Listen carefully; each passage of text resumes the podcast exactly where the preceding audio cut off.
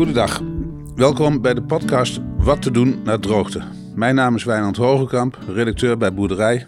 En tegenover zij zit Mark de Beer. Mark, zou je jezelf even kort willen voorstellen? Jazeker. Ik ben Mark de Beer, werkzaam bij Groeikracht.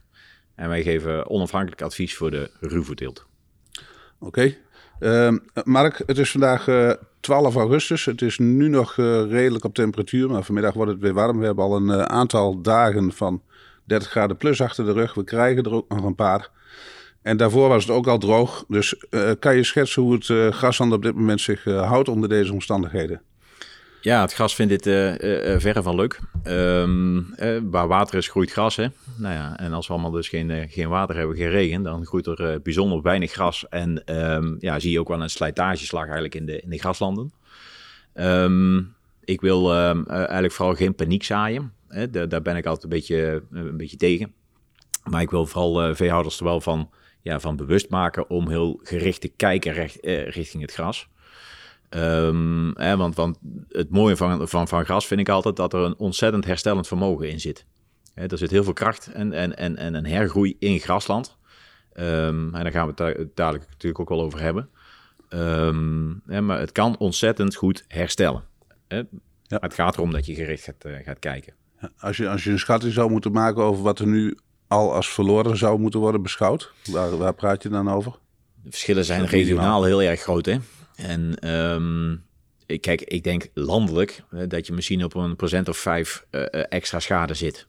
Maar regionaal, in de droge gebieden, en dan heb ik het dus vooral over het oosten van het land, uh, het zuidwesten, um, daar, daar, daar zie je behoorlijke, um, uh, behoorlijke schades.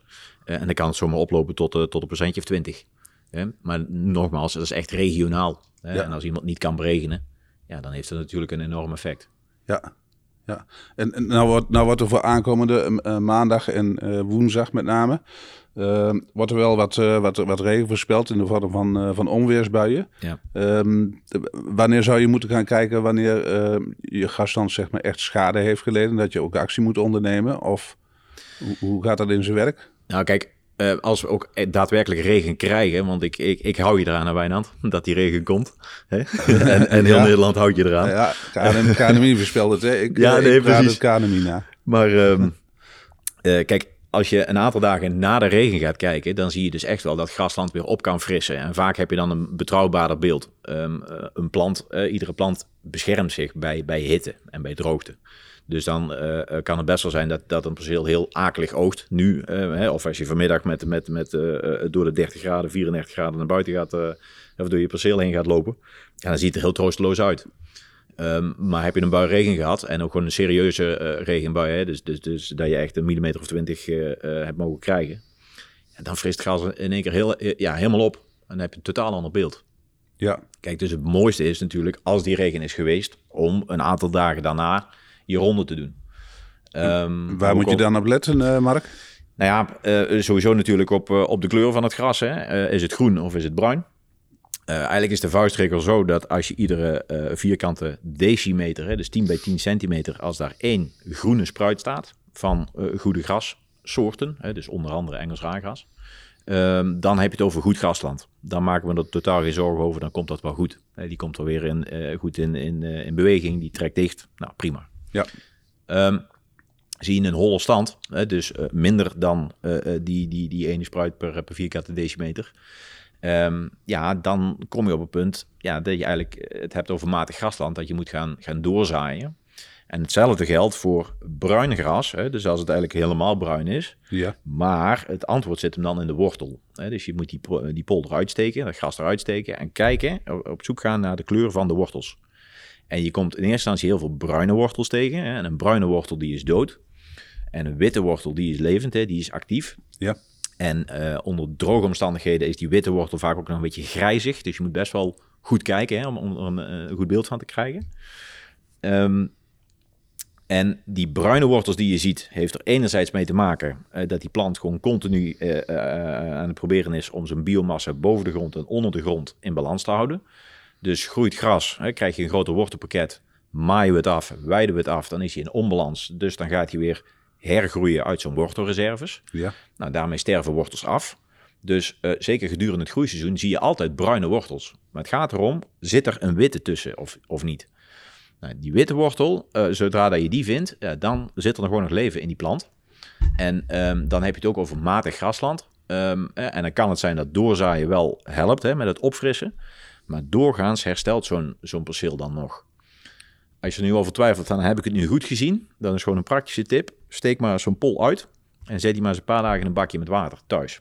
Dus ja. ergens in een schuur of iets. En dan zul je zien, als er leven in zo'n plant zit, als er muziek in zit, na een paar dagen tijd wordt zo'n plantje gewoon weer groen. Wordt die, uh, schiet er gewoon weer groen gras uit. Nou, we hebben natuurlijk nog een andere categorie. Dan is het boven de grond bruin, maar onder de grond ook. Dus zowel het blad als uh, de wortels zijn gewoon volledig bruin. Ja, nou, dan uh, moeten we dat perceel opgeven. Dan is het gewoon helemaal dood.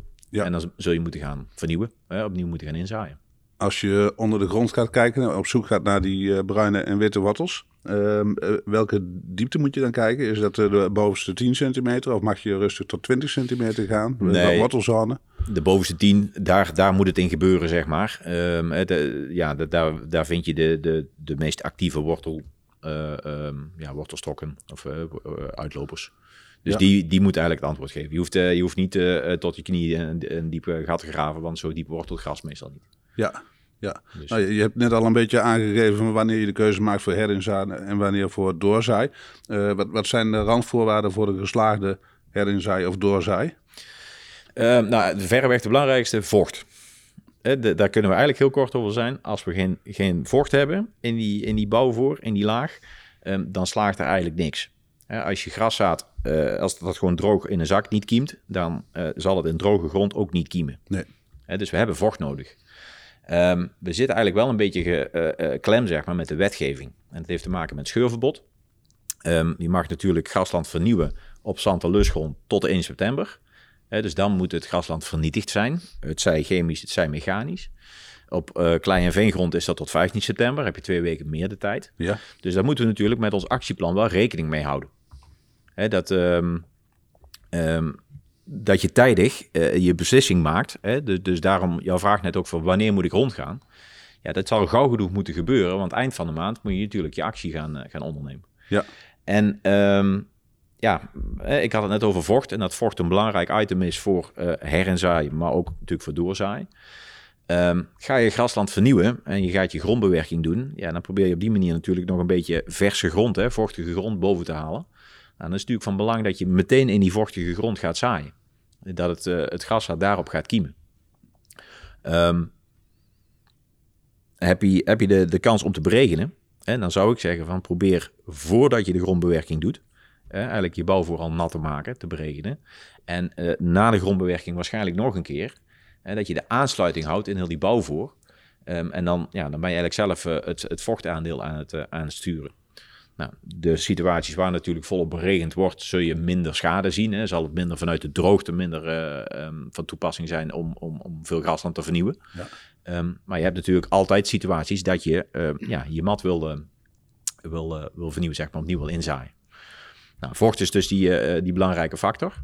Um, en gaan we kijken naar het doorzaaien, dan, dan durf ik wel bijna te stellen dat dat de enige factor is die bepalend is. Um, vaak maken we ons met doorzaaien ontzettend druk over uh, het moet die kleur machine zijn, het moet dat type graszaad zijn en weet ik het wat. Mhm. Mm -hmm. Ja, dat is allemaal belangrijk, maar zonder vocht slaagt doorzaai nooit. En sowieso is het, um, het resultaat van doorzaaien zeg maar heel wisselvallig.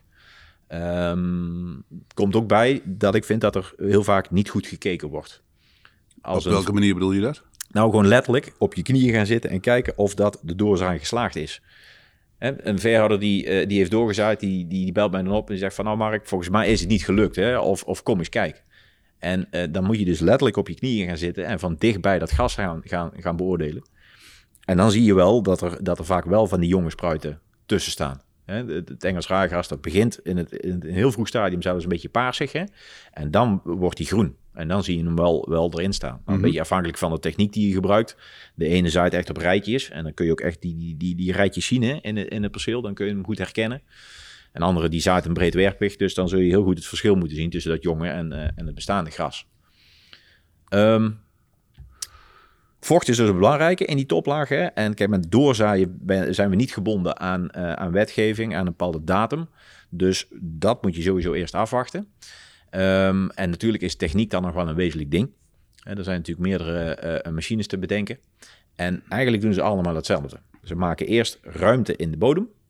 De ene doet dat met zaaischijven. Die snijdt dus echt in, de, in, een, eh, in een perceel. Mhm. Ehm, eh, om daar, daar eigenlijk het zaaibed te creëren. En bij de andere zit er een uh, wieteg of echt tanden. die zitten er voorop. Nou, die krabt door het, door het bestaande gras heen. En op die manier maak je ook ruimte voor je graszaad. Nou, vervolgens wordt er gezaaid. En dan komt nog misschien wel de belangrijkste actie. Het aanrollen. het aanrollen moet ook gebeuren met doorzaaien. Ook als het droog is? Uh, nou ja, als, je als het droog is, mag je niet gaan doorzaaien. Uh, ja, oké, maar ik bedoel, je, je, hebt dan wel berekend maar, uh, ja. of, of, het, of er is regen geweest. Juist. Maar je moet, je moet altijd nou, rollen. Het, het rollen, hè, het, belang van het rollen is dat het graszaad contact houdt met de grond. Dus dat je weer die, vocht, die factor vocht veilig stelt. Ja. En um, dat kan met een gladde rol zijn, dat kan met zo'n Cambridge rol zijn, zo'n getande rol die, die dan mee, mee, mee loopt. Ehm, het hoeft voor mij niet per se in dezelfde werkgang te zijn, maar het helpt wel. Dat scheelt je natuurlijk weer uh, bij tijd en brandstof. Um, soms wordt het ook eh, relatief eenvoudig. Hè? Wiet je zaaibak op die manier doorgezaaid. Hartstikke goede manier. Maar dan zul je ook moeten, door, of, moeten aanrollen. Ja. Aansluitend. Is, of er moet echt een bakregen komen. Hè? Dan, dan, dan ligt het op die manier uh, dat een beetje vast, vast komt te liggen in de grond. Ja. Is, is dit ook een uitgelezen moment, zeg maar, als je dan toch aan de gang moet met herinzaaien of eventueel doorzaai? Uh, om, om gelijk ook uh, klavers en kruiden uh, mee te pakken? Ja, zeker bij herinzaai zien we eigenlijk doorgaans dat dat het beste slaagt. En dan is het makkelijkste om kruiden en klavers in je grasland erin te, in te werken. De, het resultaat van doorzaaien is vaak wat, wat wisselvallig. Heeft ook weer met vocht te maken, maar ook zeker met temperatuur. Mm -hmm. Want daar schuurt hij een beetje, hè? Daar, daar is een spanningsveld. Kruiden en klavers die wil je liever wat, wat vroeger zaaien. Die hebben iets meer uh, bodemtemperatuur en daglengte nodig om goed te kiemen en zich goed te vestigen. Graszaad, dat kan best laat nog uh, prima ontwikkelen, prima kiemen. Um, dus ja, het, het, zijn allemaal planten, hè, dus ze hebben allemaal vocht nodig. Dus daar dat is echt even het oog van de meester van wanneer is, heb ik een voldoende ja, uh, zaaibed, voldoende vocht erin, dat ik toch die actie kan, kan inzetten. Ja. Um, ja, bij, bij her zit je natuurlijk met die datum. En bij doorzaaien kun je dus echt gewoon heel goed kijken van wat, wat zie ik op een perceel. Ja. En wat zie ik daar gebeuren. Als, als, als we kijken naar het grasland wat zich wel herstelt na de uh, regen van aankomende week, hè, mits die valt. Ja. Uh, moet je dan een volle bak gaan bemesten? Of uh, dus bij het reguliere grasland waar je verder niks aan hoeft te doen, behalve dan hopen op uh, goede hergroei. Ja. Moet je daar nog volle bak bemesten? Of zeg je van nou, die mesten liever in de, in de put ja. en pak alleen wat kunstmest? Nou, kunstmest werkt sowieso sneller. Hè? Die, die, die heeft minder vocht nodig om uiteindelijk uh, uh, um, ja, goed, goed beschikbaar te komen voor de plant. Um, dus dat is al een factor die, die, die bepalend is van hoeveel vocht heb je, heb je ter beschikking. Um, wat we weten uit andere droge jaren is dat die, uh, die stikstof die in de voorgaande snedes bemest is, en ook de, de mineralisatie vanuit de bodem, die zit er nog voor een stuk. Dus krijgen we flink regen, dan komt er nog heel veel stikstof gewoon vrij. En we moeten ervoor waken dat die uh, nazomer- en najaarsnedes dadelijk heel eiwitrijk worden, heel stikstofrijk. En dan vooral ook in een vorm die we niet, niet goed kunnen benutten. Hè. Dus dat er heel veel nitraat in die, in die kuilen komt. Ja. Uh, dat is natuurlijk zonde van, uh, van, de, van de stikstof waar we gewoon heel zuinig op, op moeten zijn. Die ook niet heel goedkoop is op het moment. Nee, ja, juist. Hè. Dat, dat maakt ons extra, extra alert. Um, hè, maar natuurlijk ook met het ja, scherp willen, willen voeren, het goed willen benutten van. En dat zijn allemaal wel, wel randvoorwaarden waar je, waar je rekening mee houdt. Um, kijk, ik denk voor de veehouders die flink hebben kunnen beregenen en toch nog wel een redelijke grasopbrengst hebben kunnen halen, die hebben natuurlijk ook meer stikstof onttrokken uit die bodem. Ja, dan zal die mineralisatie, die stikstofexplosie gewoon een stukje minder zijn, minder extreem. Ja. Dus die kunnen gewoon eigenlijk ja, redelijk regulier vasthouden aan hun normale bemestingsschema. Voor degenen die echt zijn verdroogd en waar er weer opnieuw muziek in dat gras moet komen, ja, dan zou ik wel wat, wat terughoudend zijn met, de, met een forse gift. Gewoon omdat er nog het een en ander ja, gratis uit de, uit de grond komt. Ja. Um, drijfmest in de put houden en die uh, richting het voorjaar benutten, vind ik uh, technisch gezien een hele goede. Uh, maar je moet simpelweg, of praktisch gezien, wel je opslagcapaciteit hebben. Of je gaat overwegen om nu nog extra af te voeren, hè, in, om, om een beetje vooruit te lopen op volgend jaar. Met je, met je mestplaatsingsruimte kan natuurlijk ook een manier zijn.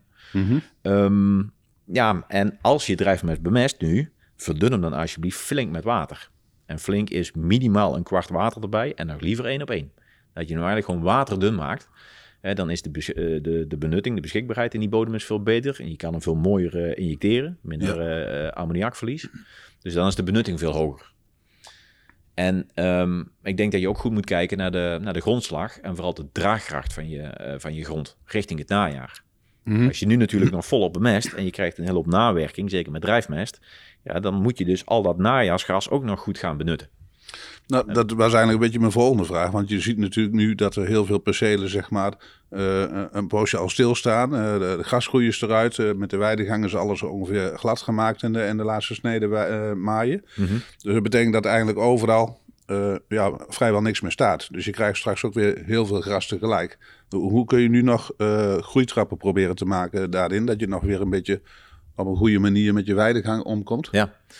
Ehm, ik denk dat die groeitrappen er automatisch inkomen vanuit het natuurlijk verlopen. Hè, want het ene perceel eh, herstelt sneller en dan krijg je een snellere hergroei dan het ander.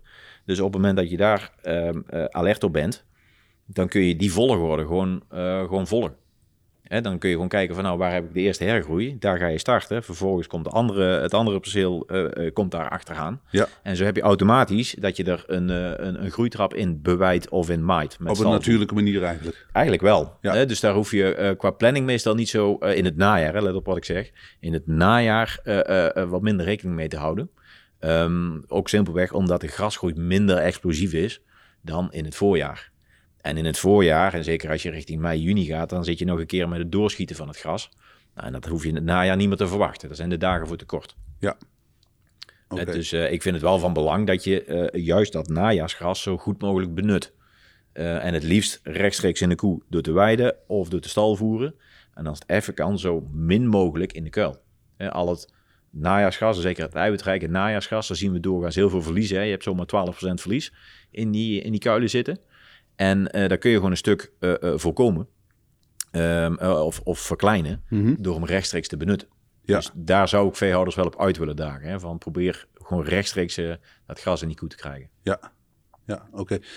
Ik wil nog even een, een zijstapje, uitstapje maken naar de mais, want die heeft lijden onder droogte. Eh, is, is er op grasgebied nog dingen te vertellen waarvan ik, die ik vergeten ben te vragen, waarvan je zegt van nou, dit is toch wel een aandachtspuntje? Ik zou ehm, ehm, eh, nog wel mee willen geven om ehm, eh, goed te kijken naar de, naar de kalktoestand. Op het moment dat je grasland gaat, eh, gaat vernieuwen, hè, dus gaat herinzaaien, Ja, zou ik nog goed even kijken van hoe is de pH. Want die wordt vaak vergeten. Om dan nog even de, te, te bekalken. Want juist het omzetten van die, die oude grasmat, die vraagt wel het een en ander aan calcium. Ehm, hè, en eh, eh, je hebt natuurlijk een heel mooi moment om, nou, als je in het grasland gaat, eh, gaat vernietigen, gaat kortvrezen, om dan je kalk mooi in te werken. En Ja. vervolgens je hoofdbewerking te doen. Dus die, die zou ik daar zeker in, in meepakken nog als tip. En dat hoort ook natuurlijk bij het maken van het actieplan, hè, wat je nu dus doet. Ehm, kijk ook naar je, ja, gewoon naar je totale bouwplan. Dus misschien is het wel eh, aantrekkelijk om te zeggen van, nou, ik ga een perceel eh, volgend jaar scheuren en dan ga ik daar eh, mais op, op zaaien. Hè. Dus de stikstof die dan vrijkomt, die benut ik voor mijn maisgroei.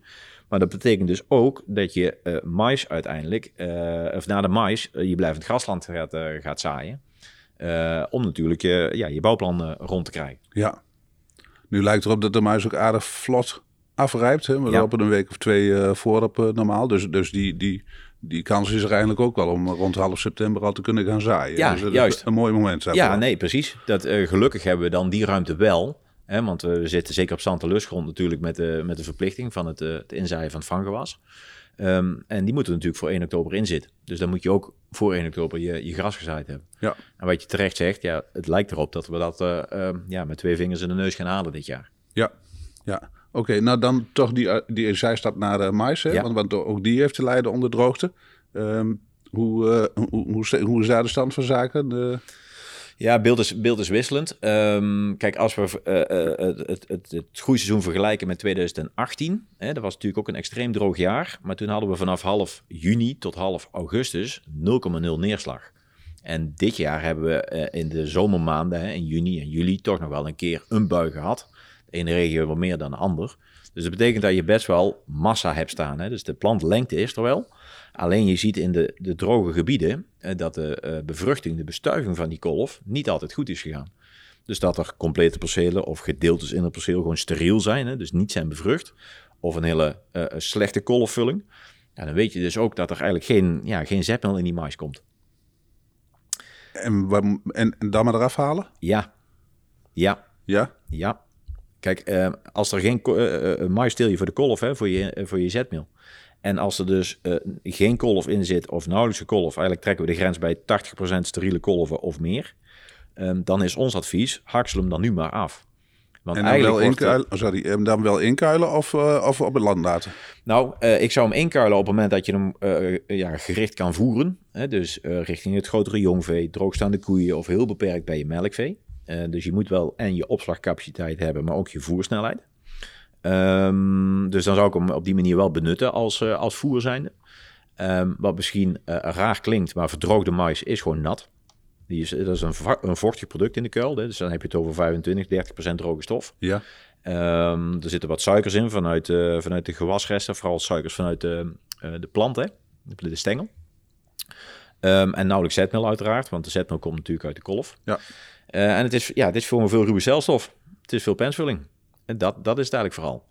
Um, dus dan ja, uh, zou je die in kunnen, in kunnen kuilen. Uh, de verdichting van die verdroogde mais is vaak wat moeilijk. je kan een maiskuil heel goed verdichten, heel goed aanrijden. Maar dan heb je dus grove, grove delen nodig, plant, plantdelen, stengeldelen. En ook fijne stukken vanuit de korrel. dus dat gaat zitten als een huis, als je hem goed aanrijdt. Nou, we missen hier de kolf, de korrel dus. Het, het, het, kleinere materiaal. Dus vaak is de verdichting veel moeilijker, veel lastiger. Broeigevoeliger. Juist. En dus moet je snelheid hebben. Je moet snelheid hebben, dus een lage, lange kuil. Um, eh, of ergens in de, de grote maïsleufsilo, zeg maar, hè, waar, waar je totale oost in gaat, je hele snijmais oost in gaat. En je houdt hem ergens apart tegen de wand aan. Dat je hem dus ook weer gericht kan voeren hè, eh, in de loop van, uh, van de winter. Um, nou, heb je die mogelijkheden niet, hè, heb je geen jongvee of zit je uh, rantsoen technisch helemaal klem. Ja, dan heb je een, een, een dure groenbemester geteeld. Dan, uh, ja. Ja, dan ga je hem afhakselen en dan laat je die organische stof maar ten gunste komen van je grond. Ja. Alternatief is natuurlijk om, uh, om daar bijvoorbeeld, hè, want dat wordt ook nog wel gedaan, om dan, uh, als je toch vroeg weg bent, een Italiaans raaigras neer te zetten. Er is ook niet heel veel gras gegroeid dit jaar. Hè. De eerste paar sneden wel, maar dat heeft nu al stilgestaan. Dus heel veel hoef je ook niet meer te verwachten in het najaar van de gras. Um, dus je zou kunnen zeggen van uh, zet er dan een Italiaans rijgras neer en uh, oogst die volgend jaar. Dan heb je in ieder geval daar nog een keer 3,5, 4 ton droge stof van. Voordat je de mais er weer in zaait. Ja, en dit vind ik altijd zo'n zo'n zo'n moeilijk punt. Um, ja, ik wil heel graag meedenken in, een, in meer droge stofopbrengsten. En dat, dat we de ruwvoorziening veiligstellen. Um, maar ik ben nogal tegenstander van twee ruggen uit één varken snijden. Even, even schetsen wat er gebeurt. Leg eens uit, ja. Um, die marge is niet voor niks verdroogd. Dus dat perceel is al hartstikke droog. Heel die bouwvoor is leeg. Um, dus als je nu uh, uh, die mars gaat, uh, gaat verhakselen, gaat vernietigen en opnieuw gaat inzaaien, ja, dan, dan ben je aan het zaaien in een, in een droge bouwvoer. Kijk, je bent het natuurlijk wel verplicht, hè? dat is natuurlijk nog wel een dingetje. je moet aansluitend naar de maisoogst, moet je je vanggewas hebben gezaaid op zand en lustgrond. Ja. Dus uh, dat kan een reden zijn als je hem toch vernietigt, dat je zegt van nou, ik laat hem nog even staan totdat we weer vocht hebben. En dan kan ik ook geslaagd mijn vanggewas uh, inzaaien. Um, hè, dus als je, als je nu uh, gras, hè, bijvoorbeeld Italiaans gaat, gaat inzaaien, dan, dan zit je al een beetje op 1-0 achterstand wat betreft um, het vocht om te, om te kunnen kiemen en groeien. Nou, stel in een positief scenario, we krijgen wel wat een en ander aan regen, hè, dan kunnen we in het najaar nog een snede gras halen, hè, nog, nog, nog oosten. Um, die vind ik minder uh, spannend. Hè? Dat, dat, dat mag voor mij, uh, zullen maar zeggen. Maar in het voorjaar, daar wringt de schoen als je het mij vraagt. Want in het voorjaar heb je natuurlijk uh, je vocht en je voedingsstoffen nodig om eigenlijk je hoofdteelt ja, goed aan de gang te zetten, je mais. Ja. En als je dan uh, inspanning hebt gedaan om netjes het gras te zaaien, want je gaat er meer kilo's gebruiken en je zorgt dat die netjes vlak ligt, dat je schoon kan werken, schoon kan maaien. Dus dan heb je eigenlijk al meer geld uitgegeven. Ja, bijna iedereen die zegt van ja, maar dan ga ik hem in het voorjaar ook nog een keer maaien. Hè? Dan pak ik die, die, die sneegras ook nog, ook nog mee. En dan trek je dus die bouw voor helemaal leeg. Ook nog een keer, of ja, weer opnieuw eigenlijk, hè, met voedingsstoffen, met vocht, dat onttrek je allemaal. Dus eigenlijk zie je dan dat de mais met 1 of misschien wel 2-0 achterstand begint. Want die grasmat die moet dan weer verteren. Dat vraagt ook weer vocht en stikstof. En eigenlijk wil die, gras, of die maisplant, die moet gaan kiemen en gaan groeien. Ja. Dus ik ben daar best wel tegenstander van om ehm, ja, twee ruggen uit de vaken te snijden of een, een voorgewas te telen of zoiets dergelijks. En al zeker als je met dat voorgewas denkt van nou, ik kan daar nog het een en ander aan eiwit winnen. En want als je meer eiwit van eigen land wil halen, dat betekent ook dat je hem stikstof moet geven. Ja. En ja, simpelweg, die ruimte hebben we niet. Ja, we hebben natuurlijk een heel beperkte gebruiksruimte in de maaisteelt. Dus als je eerst je, uh, ja, je groenbemester of je, je, je voorgewas ja, flink gaat verwennen, ja, dan schiet je jezelf in je voet. Want dan heb je uiteindelijk niks meer uh, voor, je, voor je mais. Of je moet het dus van je andere percelen, op bedrijfsniveau moet het plaatje natuurlijk kloppen. Ja. Dan moet je het daar weg gaan, uh, weg gaan krabben. Dus die vind ik heel lastig. Daar, daar wringt de schoen. Ja, oké. Nou goed, de, dus nou ja, zowel voor uh, mais als gras liggen er wel wat, wat actiepunten zeg maar, klaar om de aankomende week of weken uit te voeren. Ja. Ehm, nog dingen vergeten, Mark? Of Nee, ik ben, het belangrijkste gaat? Het belangrijkste vind ik om mee te geven is ga goed je percelen langs, zowel gras als mais. En uh, kijk heel goed uh, wat, uh, wat het beeld is en maak zo je actieplan. En dan, dan weet je wat je moet doen. En dan voorkom je verrassingen. Dat, dat, dat is het eigenlijk vooral. Oké. Okay. Nou goed, dan, dan wil ik het hier graag bij, bij afsluiten. Mark, dank voor je toelichting. Graag gedaan. luisteraars, bedankt voor het luisteren en wellicht tot een volgende podcast.